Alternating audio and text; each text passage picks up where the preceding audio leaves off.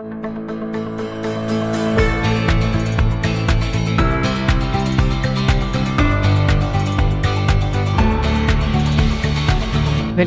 til Sirkuler, en podkast fra AFA Norge om sirkulærøkonomi og resirkulerte råvarer.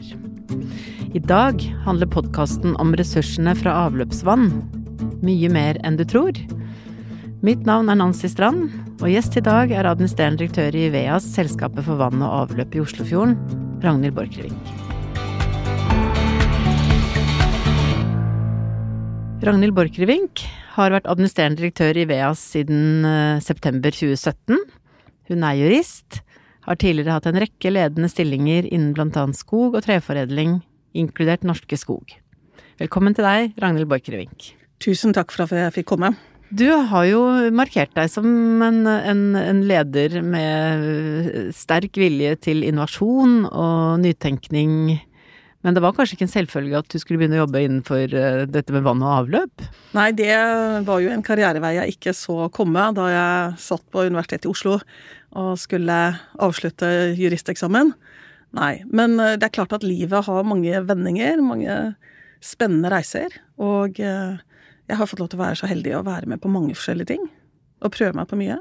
Ja, Så hvordan begynte dette? Altså, hva, liksom, var, når begynte engasjementet ditt, og hva Um, jeg prøvde å tenke gjennom det, og jeg tenker at jeg tror 1997 var vendepunktet. Da hadde jeg vært advokat i ca. fem år. Jeg hadde vært dommerfullvektig i Alta. Fått et ganske eh, interessant perspektiv på dette med sentrum-periferi. Ja. Og hvordan periferien ser på sentrum.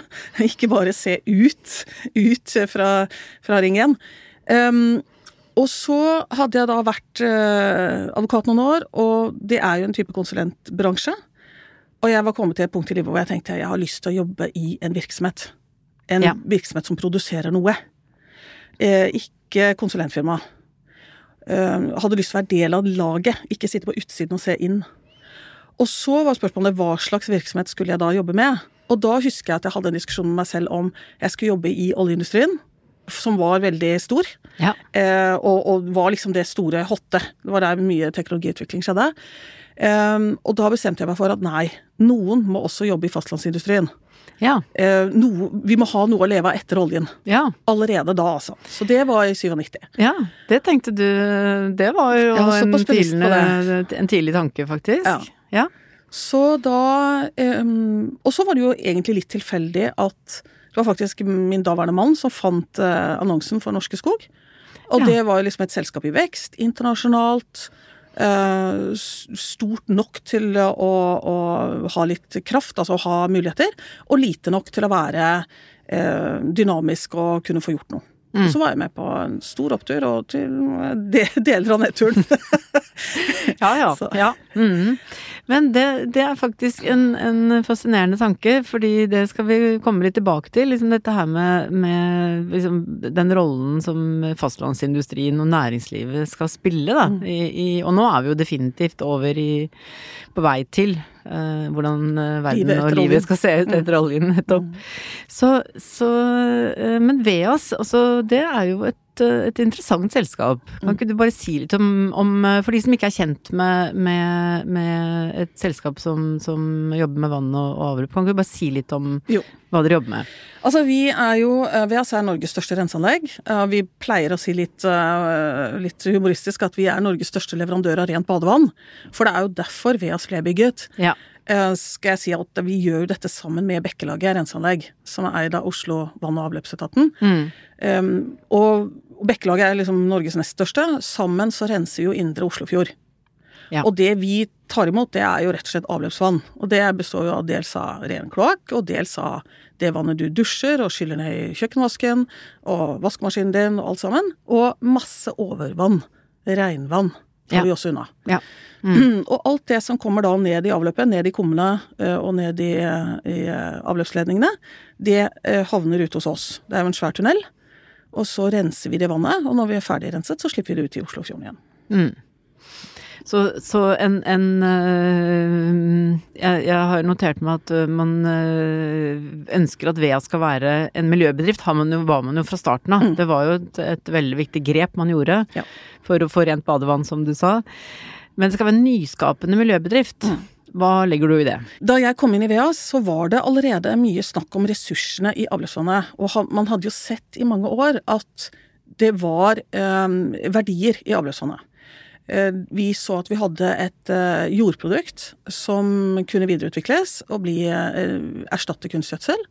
Og vi så at det var nye dyrkingsformer, f.eks. dyrking i vann, hydroponics. Vi så energisiden var veldig interessant. Det jo, har jo blitt tatt ut i mange år fjernvarme fra tunnelen vår. Mm. Så jeg tror 25% av fjernvarmen i Oslo er jo dekket fra avløpsvann. Mm minst, tror jeg. Så det, det, er jo det er veldig spennende muligheter. Men det var liksom ikke helt satt i system. Nei. Mm. Så da jeg kom inn i VEA, så fant vi ut at vi måtte formulere ut litt mer systematisk hva er målet vårt, mm. og hvordan, øh, hva slags ambisjoner skal vi sette for oss selv. Mm. Og da var det vi kom opp med det vi kaller de tre strategiske visjonene, de strategiske boblene våre. Um, og overbygningen her hele veien, det er at vi skal levere maksimal samfunnsnytte. Ja. Og i det så ligger det både et økonomisk element, et miljøelement, et samfunnselement. Mm. Og selvfølgelig arbeidstakerperspektiv osv. Mm. Um, under det så har vi jo tre veldig skarpe ambisjoner eh, frem mot år 2040. Det første er jo at vi ikke skal ha noen uønskede utslipp i det hele tatt, verken til jord, luft eller vann. Mm. Og det betyr jo egentlig at vi skal rense vannet helt opp til nærmest drikkevannskvalitet. Ja. Det er en nullvisjon det som det står Det er en eh, veldig kraftig nullvisjon. Ja. Mm. Så, så, vår eh, nullvisjon eh, om utslipp går jo langt videre enn bare CO2. Ja. Bare for, så det er sagt, det er mye mer sånn type helhetstenking i det. Så er det også at vi skal samtidig gå fra å eh, belaste avløpsgebyrene. I dag så er vi jo finansiert over avløpsgebyrene som folk betaler. Og det ønsker vi å snu rundt og si at vi tror at vi kan komme til en inntektsgivende modell. Ja, det er spennende. Det skal vi komme litt tilbake til. Ja. ja. Mm. Og så det tredje aspektet er at vi skal være en samfunnsaktør. Mm. Og det går jo nettopp på at vi ble opprinnelig bygget for å rense badevannet til folk. Og sørge for at Oslofjorden var en levende fjord. Men så endrer jo behovene og, og, og problemstillingene i samfunnet seg. Mm. Og vi er jo involvert uh, delvis også i f.eks. se på hvordan håndterer man snø i Oslo kommune. Har vi en rolle i det? Hva med rensing av grus som brukes til veigrus? Oslo bruker over 45 000 tonn med veigrus hvert år i et vanlig vinterår. Hvordan kan man få resirkulert dette, fremfor at det bare skal gå på deponi? Mm.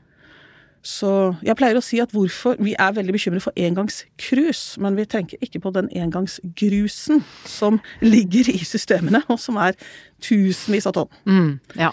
Det tror jeg er et, ressurs, eh, et ressursområde som, eh, som, det er faktisk er stort behov for å se på framover.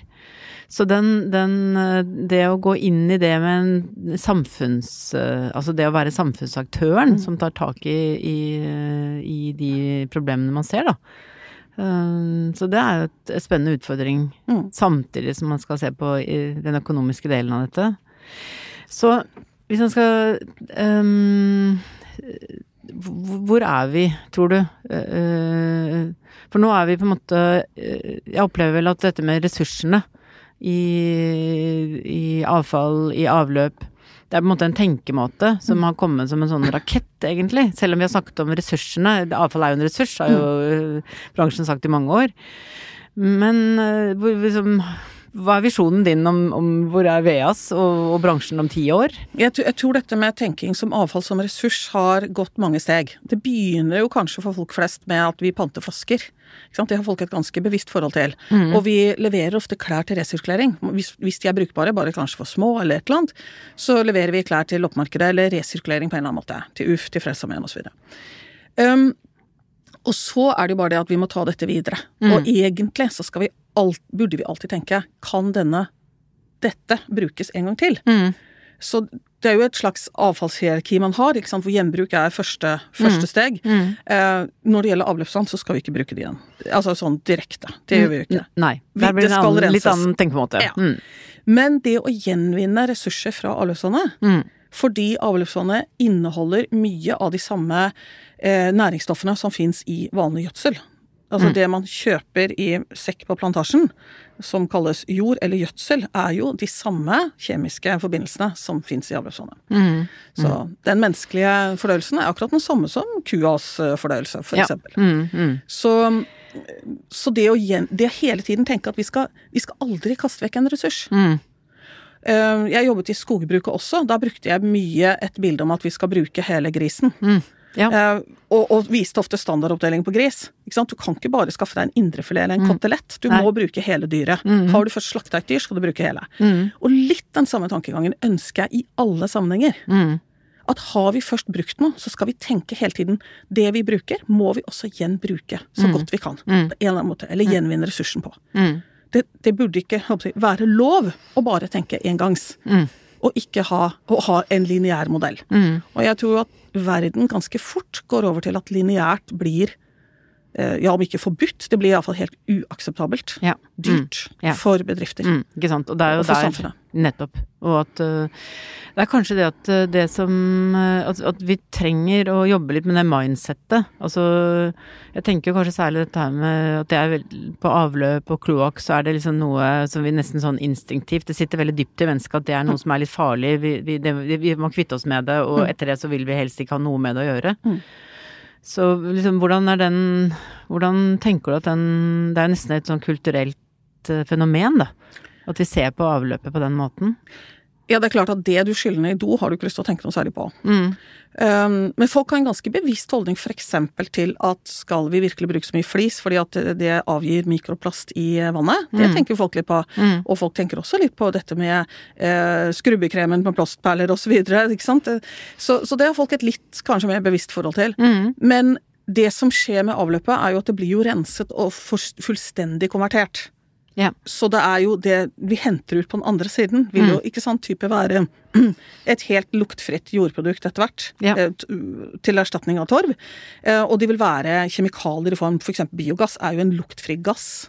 Ja. Sånn at den, den eh, på flaske, liksom. Det er jo Mm. ikke noe verre enn uh, propanen du bruker på, på grillen, ikke sant. Mm. Så, så det kommer ut igjen i en helt annen fasong. Ja. Ja. Mm. Rent og fint. ja, nemlig. Og det er viktig. Ja, det, Det er det, viktig. det er og- Så men det er klart at, øh, at øh, det har jo vært en bevissthet rundt dette med plast, for eksempel, da. Mm, og, og noen av enhver som har fått litt sånn aha-opplevelse på at selv en liten kontaktlinse skal Mm. faktisk ikke i do. Den, Mm. den er, det er plast. Mm. Så øh, kan, kan man se for seg at, at øh, vi får At vi klarer å utnytte alt, selv om det egentlig ikke skulle vært der. Altså apropos avfallshierarkiet, Ja. det skal, ting skal på riktig sted. Det skal hindre at det, at det kommer plast gjennom avfall. av- Det skal egentlig ikke inn i systemet Nei. ditt, for å si det Nei. sånn. Men vil vi kunne komme dit at vi faktisk klarer å ha teknologi og løsninger nok som, som kan løse det, da? Altså når det gjelder Vi, vi tar jo ut en del søppel, altså sånn type plastsøppel. Eh, Q-tipsen, ikke sant, er jo en gjenganger. Mhm. Uh, med disse plastrørene, det er ikke bra. Uh, og, uh, og bleier, altså, altså det er utrolige vaskefiller og sånt som folk skyller ned i do, ble jo tatt ut på den andre siden her hos oss. Bankkort. Ja. Ja. Gjenganger, det òg. Ja. Mm. Og, og det søppelet, det som kan brennes, det blir vel brent. Og så resten blir reponert. Ja. Men bortsett fra det, så øh, Altså bortsett fra det rene søpla, så tror jeg vi kan gjenvinne veldig mye. Det er noen ting, det er jo en del bakterier, de skal fjernes. Mm. Så Ja. det er jo en del farlig, Altså de farlige stoffene skal rett og slett vekk. Ja. Og de har vi metoder for å ta. Så Nettopp. Mm. Ja, og det gjelder jo på en måte, det er jo helt eh, parallelt med annet, annen avfallshåndtering. Absolutt. At de, de farlige stoffene skal ut. Ja, Skal vi de- ikke ha med videre. de skal vi ikke ha med videre. Så Mm. de øh, nøytraliserer vi. Mm.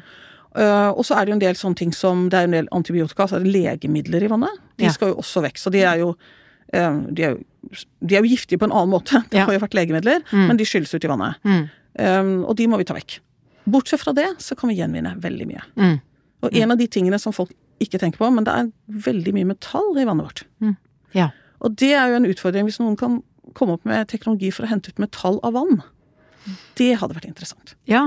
For vi får inn faktisk seks tonn med sink og fire tonn med kobber hvert år. Går gjennom systemet vårt. Og, og i dag helt, går det eh, ut i det jordproduktet vi har. Ikke sant. Og, Og, og selv om vi er innenfor, jeg skal bare si, vi er innenfor alle grenser eh, som er satt, Ja. men vi, vi tenker jo at dette er jo tross alt verdifulle metaller. mm. Og, og Så klarte man å felle de ut og få Så hadde man kanskje sluppet av ha gruve i. Repparfjord. Ja, ikke Mm. sant. Og det uh, har vi hatt uh, noen andre som har ivret veldig for, og vi snakker om uh, urban mining, som å hente ut det som allerede er i omløp. Ja. Så, så, Men vi har jo også vært, vært litt opptatt av i denne podkasten, og det er de unge som kommer inn i bransjen. Mm. Det kommer jo inn en rekke unge folk i full fart. Ja.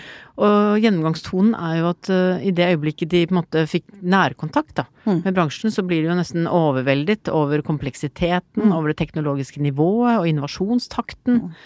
Så opplever du det samme på, når det gjelder uh, lysten til å jobbe innenfor, uh, innenfor vann og avløp? Ja, vi har jo hatt en veldig positiv utvikling. Nå har vi jo um, Jeg tror siste gang vi utlyste til prosessoperatør, fikk vi over 60 søknader. Mm. Vi tar inn noe sånt som 11 lærlinger i år. Jeg traff mange av de i går. Ja. i, går. I alle prosessfag. Og vi mm. har også hatt lærlinger i f.eks. lager og logistikk og i kontorfag. Ja. Så vi tenker jo litt annerledes. Um, vi har jo fire personer med doktorgrad på VS. Mm. Og vi søkte etter forretningsutvikler før sommeren og fikk eh, noe sånt som 58 søkere. Oi. Så det er veldig morsomt. Um, og mange gode folk uh, ja. søker seg ut til oss. Vi ligger jo ikke urbant til, det skal jeg si også. Ja, nei, Anlegget... strengt tatt ikke midt i sentrum, nei. nei. Vi ligger ute på Slemmestad i Asker. Nydelig ja. til, vil jeg si, ved egen strand. Uh, og ser rett inn mot Oslo sentrum. Men det er jo et stykke ut. Um, så lenge vi ikke har båt. Hurtigbåt. Mm. Mm. Ja. det kan komme.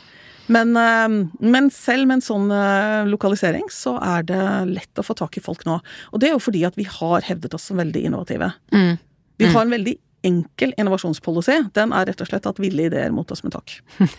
så det skal være lov for alle, på alle nivåer, og det er ja. så veldig viktig for meg å si. Det er mye hverdagsinnovasjon som gjøres av de folka som er i anlegget og kjenner anlegget mm. veldig godt. Mm. Og som fort ser hm, dette kunne vi gjort på en bedre måte. Ja. Mm. Her burde vi gjøre noe, for her sløser vi vekk med energi, eller vi bruker for mye kjemikalier, eller vi har for dårlig sirkulasjon.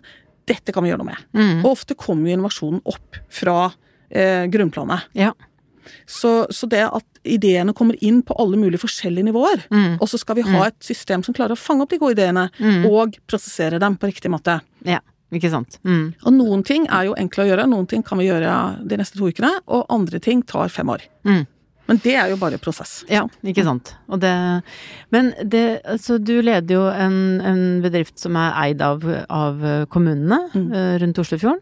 Så um, hvordan har du tenkt liksom de kommunalt eide uh, virksomhetene? Mm. De har jo en særstilling. Uh, så hvordan kan de bidra til også økt verdiskaping, ta en plass i sirkulærøkonomien?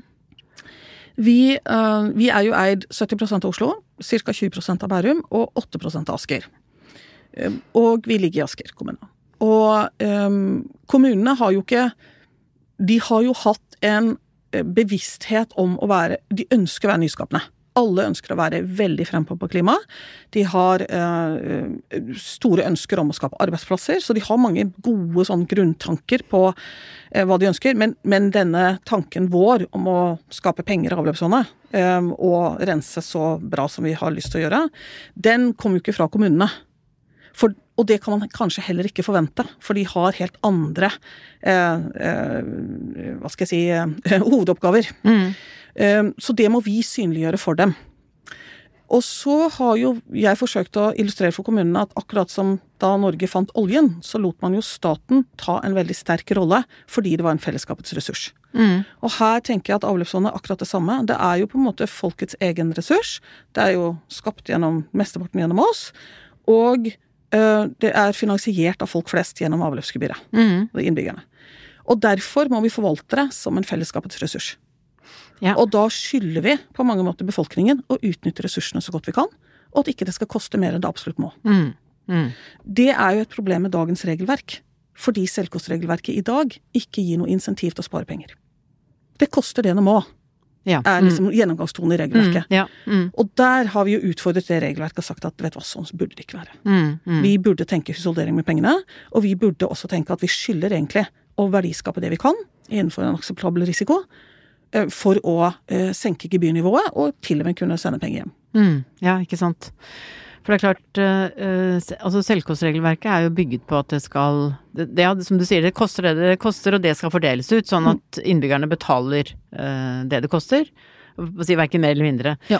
Men det er jo en relativt det, det, er en, en, ganske ny tanke. For det der er jo det samme. Der er jo på en måte avløpsgebyret og avfallsgebyret bygget på samme selvkostprinsipp. Ja. Så hvordan har den Den har jo allerede registrert at det fulgte litt debatt i kjølvannet av, av et utsagn fra deg om eh, om dette, da. At dette skal, ikke, skal, vi ikke kunne tenke nytt rundt mm. selvkostregelverket? Skal ikke det også bidra til en, en innovasjonstakt og en, å være egentlig en del av pådrivermekanismen, da? Ja, og, og, der mener jeg jo at Norge ligger litt etter. At vi burde egentlig sette litt større ambisjoner for oss selv, fordi vi er flinke. Og, og det, her, Norge ligger jo sammen med de andre skandinaviske landene helt fremst i verden på å utnytte ressursene i avfall og avløp. Hvorfor ikke tenke at dette er teknologi vi kan ta i bruk etter oljen. Vi kan også bruke mye fra oljeindustrien mm. i vår virksomhet. Mm. Våre virksomheter. Så, sånn at eh, Igjen tilbake igjen til hva skal vi leve av etter oljen? Vi må iallfall utvikle teknologi. Vi er flinke på mye teknologi. Hvorfor kan vi ikke bare bruke den på en ny måte? Mm. Som har store markeder også internasjonalt. Mm. Her ligger jo danskene langt foran. For i Danmark så er det krav om effektivitet. Det er et eh, mål i vannloven i Danmark at man skal skape arbeidsplasser ved å eksportere teknologi. Mm. Og det er eh, veldig streng benchmarking, og folk får kuttet sine budsjetter litt år om annet for å spare penger.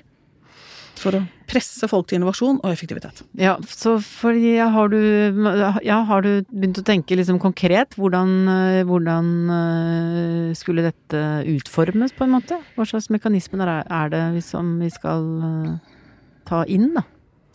Det er et veldig godt spørsmål. Vi, vi har jo begynt med oss selv. Og der har vi jo lagt inn nå, i neste langtidsbudsjett som går til 2024, så ønsker kommunene å se at selvkosten at, Altså det vi, tre, det vi, ber om fra kommunene, skal, skal, begynne å gå ned. De mm. vil begynne å se at nå har vi passert toppen, nå skal vi begynne å gå ned. Og det er jo litt morsomt, fordi fra vi første gang sa, i 2018, at vi tror at det går an å tjene penger på det, til kommunene begynner å si at nå ønsker vi å se det, mm. så gikk det ikke så veldig lang tid. Nei, ikke sant. Merkelig nok. så, og det er veldig bra, for da får vi et push. Da får vi litt press på oss. Press er bra. Mm. Um, og så bør man jo begynne å se på regelverket. Dette er jo nasjonalt eh, regelverk, selvkostregelverket. Mm. Og det burde jo noen sette seg ned og se nøye på. Hvordan skal vi gjøre det? Mm. Skal vi følge den danske modellen? Skal vi ha en litt mer åpnere modell? Um, en mulighet har jo litt som eh, Parisavtalen for klima, hvor hvert land må sette et mål. Alle, men det er ikke satt hva målet skal være, men alle land er nødt til å sette et mål. Så er de nødt til å rapportere det. Mm. Og da bruker man jo litt den derre shaming, eh, gapestokkfilosofien. Mm. At hvis du ikke er kommet noen særlig vei, og har satt deg veldig lave mål, så blir du målt mot alle andre likevel. Selv om mm. det er uformelt og ikke bindende, ja. så, så, blir det litt sånn gapestokk. Da er du dårligst i klassen, det har ingen lyst til å være. Mm. Det er mulig at det kan fungere. Men iallfall at vi begynner å tenke litt mer på hvordan man kan utnytte ressursene. Mm. Og også tenke litt på modellen skal man utnytte ressursene i offentlig regi, sånn som man gjorde med oljen den gangen, eller skal man overlate det til private? Mm. Og vi har jo tenkt som så at vi vil ikke overlate til private å hente ut ressursene. Iallfall ikke som øh, hovedgrep. Vi vil selv ha kontroll på det, mm. innenfor det vi iallfall føler oss komfortable med å lage. Ja. Så øh, hvordan tenker du at øh, den teknologiske utviklingen skal finansieres? Altså hos oss, så biogassanlegget vårt er jo bygget på vanlige kommersielle vilkår. Det er ikke bygget på selvkostmidler. Mm. Så når vi oppgraderer biogassen vår nå, så er jo det inntekter som går utenom selvkosten. Og så har vi hatt muligheten da, vi har hatt inntekter utenfor selvkost, som vi kan da bruke til å eh, egenkapital for videre teknologiutvikling. Mm.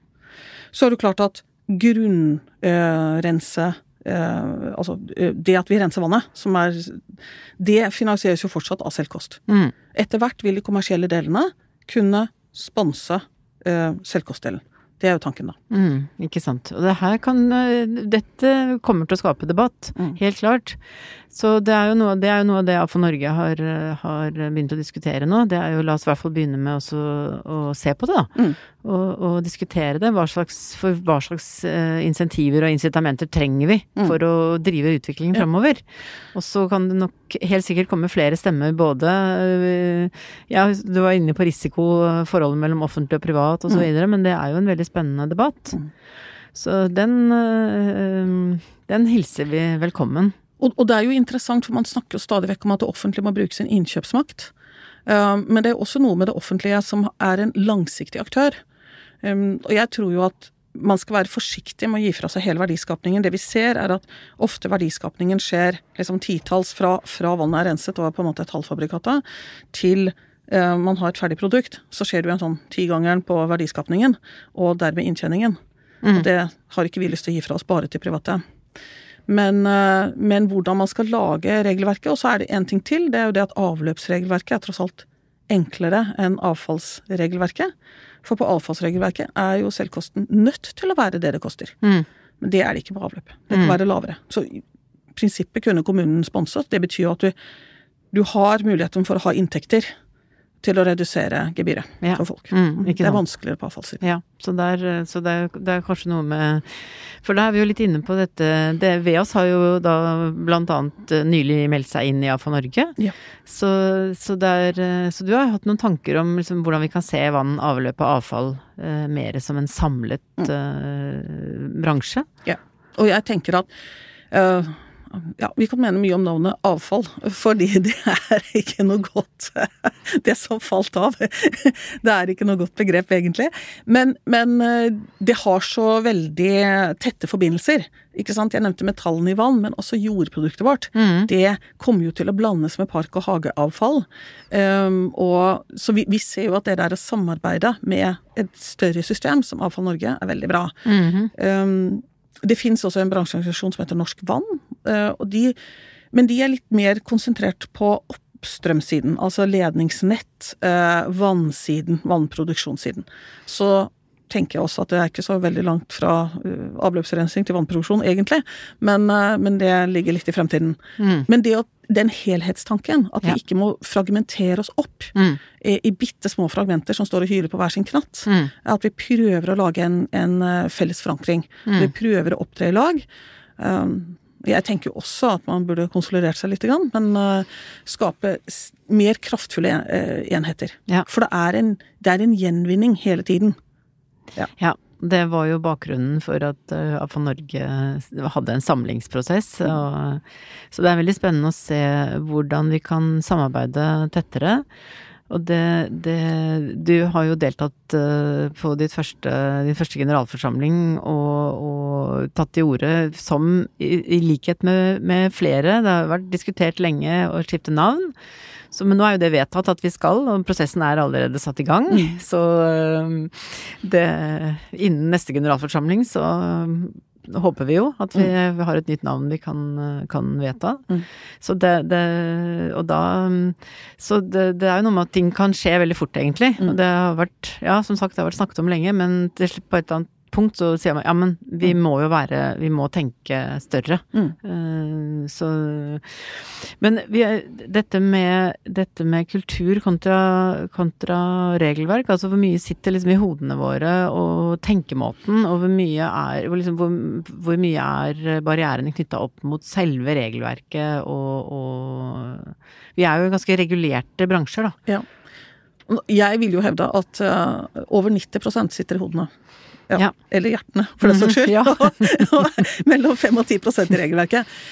Det er jo noe med at Uh, igjen, dette regelverket er jo det klassiske er glasset halvfullt eller halvtomt. Det er jo et ja. tolkningsspørsmål, ikke sant? Sånn er det meste regelverk. Og uh, kulturen Altså, VEAS har heldigvis alltid hatt en industriell kultur. Ja. VEAS har vært så stort at det har måttet ha en industriell kultur. Mm. Den er jo bare blitt sterkere og sterkere etter hvert som vi er mer og mer av en prosessindustri. Mm. Det kjører 24 timer i døgnet, det krever døgnkontinuerlig overvåking. Mm. Vi har vaktordninger året rundt døgnet rundt. Um, og, og, det er veldig mye input, ikke sant? så det er masse som skjer. Nå får vi nye prosessavsnitt med biogass. Vi jobber jo videre mot å utvikle kullsyre av kloakk. Det er også ganske spennende. Mm. Um, men alle disse tingene gjør at det er et komplekst industrielt anlegg, så man har en industrikultur. Mm. Det er ikke en etatskultur. Uh, og så er jo etater helt ok, men det er klart at for å drive produksjon, så er det litt vanskelig å tenke etat. Ja. Um, og jeg tror den industrielle kulturen, det å være stolt av fag, det å ha en høy uh, faglig standard, det er helt nødvendig. Mm. Og så må man ha en kultur for innovasjon, og det jo, brukes jo veldig mange konsulenttimer på å finne ut av hvordan skaffer man seg en kultur for innovasjon. Um, og jeg tror kanskje ikke egentlig det er så forferdelig vanskelig hvis man har noen ideer Og så prøver man de ut de ideene.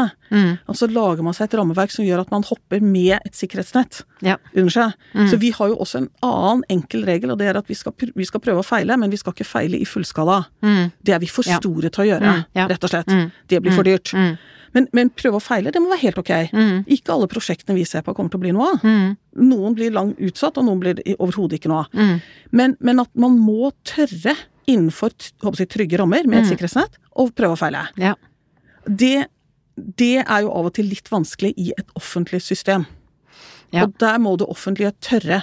Så vil jeg jo si at veldig mange store prosjekter i det offentlige har jo ikke gått helt på skinnene, det heller. Så man, man feiler av og til i Ja. Det har skjedd. Mm. Men, men hvis man klarer å få et system for det, slik at man lager en trygge ramme rundt den prøvinga og feilingen, Ja. Mm. så, så er det ikke noe egentlig hokus pokus, vil jeg si med innovasjon. Og så må man tørre selvfølgelig tenke litt utenfor boksen, ta, hente inspirasjon fra andre steder. Mm. Mm. Og der er kanskje Jeg er kanskje en person som alltid har levd utafor boksen. Jeg har liksom aldri vært i boksen i hele mitt arbeidsliv, så, så, så det har ikke vært så vanskelig. Men, men, men det eh, Pass på å ha iallfall én sånn person i organisasjonen Ja. som, Mm. som er vant til å leve på utsiden. Mm. Eh, For jeg har jo alltid, som jurist, og så har jeg jobbet i industri, og så har jeg etter hvert jobbet i eh, selve produksjonen og, og i salg i Mm. industri, så er det jo klart at du er litt på utsiden. Du kommer inn fra utsiden, Ja. og du må på en måte skape deg et rom, og du tenker andre tanker og bringer inn andre impulser til folk. Mm. Og det er bare nyttig. Mm. Ja. Ikke sant. sånne. Nå har vi jo flere ganger vært innom dette med hva vi skal leve av etter oljen. Men det er jo noe med den, all den kunnskapen da, som vi har bygget opp gjennom eh, vår, eh, vår olje- og, og gassnæring. Så hvordan kan, vi, hvordan kan vi utnytte det nå? Jeg har lenge tenkt at eh, Norge er et av de få landene i verden som virkelig klarte å utnytte oljeressursen på en god måte. Mm. Eh, Tilstrekkelig offentlig eierskap for at eh, man skulle forvalte fellesskapets ressurs, og tilstrekkelig private innslag for å virkelig få noe ut av det. Både innovasjon og inntjening. Mm. Og så skulle jeg jo ønske at fremfor å snakke om alt det grønne, men ikke gjøre noe, så skulle jeg ønske at vår regjering kunne sette seg ned og lage et tilsvarende system, en tilsvarende prosess for hva vi skal leve av etter oljen. Ja. Hvordan skal skatteregimet se ut for det grønne? Omstillingen. Mm. Hvordan skal vi klare dette, den, den gode blandingen av det offentlige forvaltningen eh, og det offentlige eierskapet til fellesskapets ressurser, og den private innovasjonskraften og, og konkurransebiten. Mm. Eh, fordi at vi er faktisk et av de få landene i verden som klarte det med oljen. Ja. Og det betyr at vi har jo egentlig et konkurransefortrinn på modellen. Mm. Hvorfor i all verden kan vi ikke ta i bruk en tilsvarende modell Ja. for det grønne skiftet? Ja. Mm. Og jeg mener jo at vi skal leve av blant annet avfall og avløp i fremtidens Ja, nettopp. Det skal være grunnlag. Det er i hvert fall en stor del av grunn, grunnlaget for verdiskapingen fremover. Det er det. Og vi har noen store fordeler her, både på selve forretningsmodellen og på teknologi. Mm, ja, nettopp. Og dette handler jo også om folk. Altså, kan vi få folk med den eh, kunnskapen og erfaringen over i, i eh, å jobbe med vann og avløp og avfall? Det, det kan vi absolutt, og vi rekrutterer jo dels folk som ellers hadde gått til oljenæringen Mm. selv. Og vi har tatt i bruk teknologi fra oljenæringen allerede, og vi ser helt sikkert at det kan vi bruke mer av. Ja, nettopp. Mm. Vi har masse å lære av dem.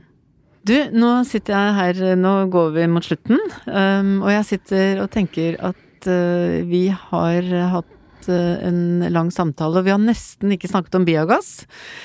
Så uh, da tenker jeg at det, vet du hva, det tror jeg nesten vi må Det er jo et stort tema, som jeg vet at du har mange tanker rundt, men det tror jeg må bli en episode til, faktisk. Hvor vi kan, uh, for der også skjer det veldig, veldig mye. Så tusen takk for at du har uh, delt mange spennende tanker. Og um, takk for at du kom til AFA Norges podkast. Og tusen takk for at jeg fikk komme hit. Så takk til alle som har hørt på oss. Og takk til vår produsent Soundtank. Og har du innspill til podkasten, så send det gjerne til sirkuler at afanorge.no. Og mer informasjon kan du finne på nettsidene våre afanorge.no. Ha det riktig bra!